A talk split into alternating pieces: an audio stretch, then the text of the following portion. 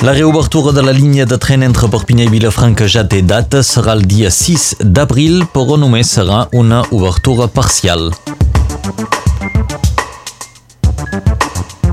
L'associació Arrels organitza un debat sobre l'elecció municipal a Perpinyà. Nos ho explicarà el nou president de l'associació Arrels, Mateu Pons.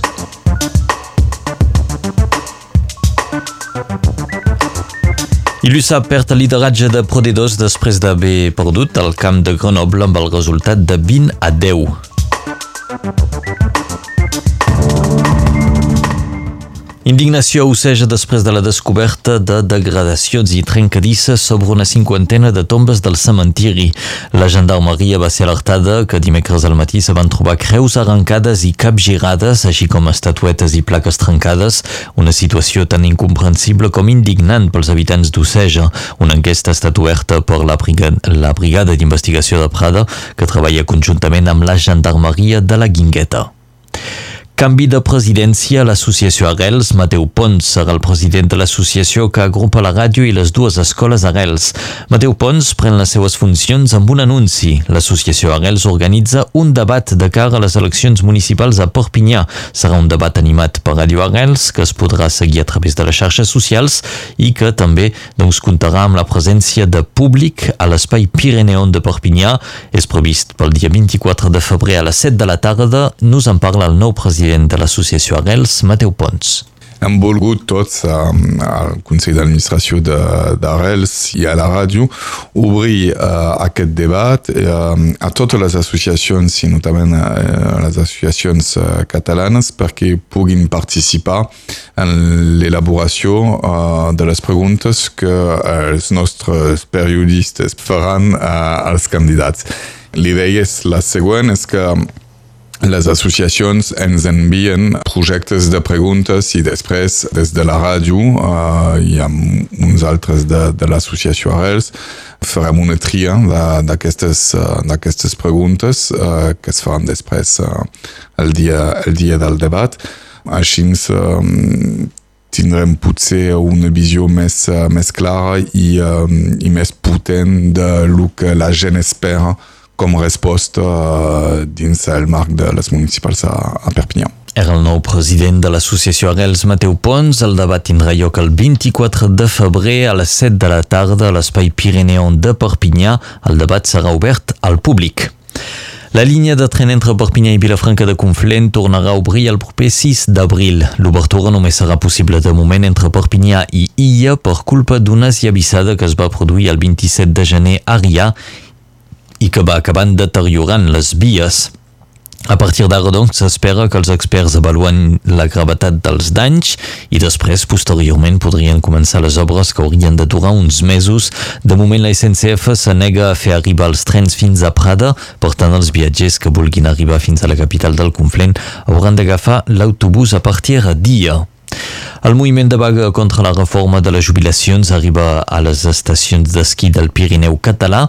La CGT i FO han anunciat diverses accions durant el cap de setmana a les estacions de Font Romeu Pirineu 2000, Formiguera, als Angles, l'Espai Campradàs i a Portepí-Morent.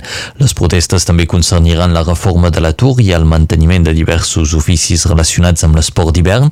Es preveu que els sindicats distribueixin fullets informatius als automobilistes, per tant ens hem d'esperar tenir calques retencions per culpa també del tall de la 116. El col·lectiu Pacte per la Transició 66 ha convocat per avui una acció visual i simbòlica contra l'omnipresència de la publicitat a l'espai públic. El col·lectiu vol alertar els ciutadans i els candidats a les municipals de les conseqüències que té la publicitat sobre el canvi climàtic i sobre l'explotació dels recursos naturals. Aquesta acció es farà aquesta tarda a les dues al peu del Castellet. I la baixada discreta de l'atur a Catalunya Nord per al quart trimestre del 2019. La baixada és d'un 1,8%, és a dir, uns 35.000 persones que doncs, ja no són a l'atur en categoria A. A la regió Occitània la baixada de l'atur és de menys 1,4% i a nivell estatal l'atur passa de 8,5% a 8,1%. És la xifra més baixa des de finals del 2018. Dolors Bassa i Joaquim Forn sortiran de la presó durant unes hores al dia, segons han dit les juntes de tractament de les presons de Puig de les Basses i dels Lledoners.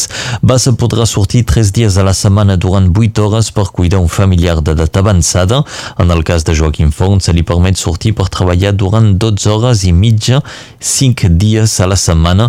En aquests dos exconsellers doncs, ja són 5 presos polítics en total a qui s'ha concedit un dret de sortida després de Sánchez, Cuixart i Forcadell.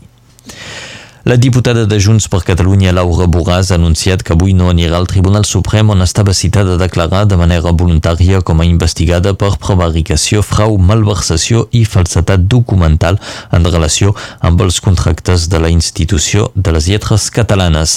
S'acusa Borràs d'haver assignat fins a 18 contractes a un conegut mentre estava al capdavant de la institució de les lletres catalanes sense haver fet cap concurs públic. L'USAP ha deixat escapar la primera plaça del campionat després d'haver perdut el camp de Grenoble per un resultat de 20 a 10, un partit difícil pels perpinyanesos que van haver de jugar quasi la meitat del partit amb un jugador de menys.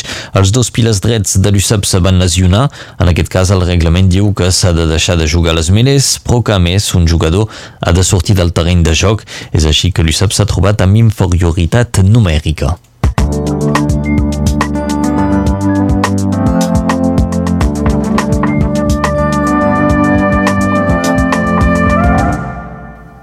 Continuem ara amb la previsió del temps que nos presenta la Meritxell Cristòfol.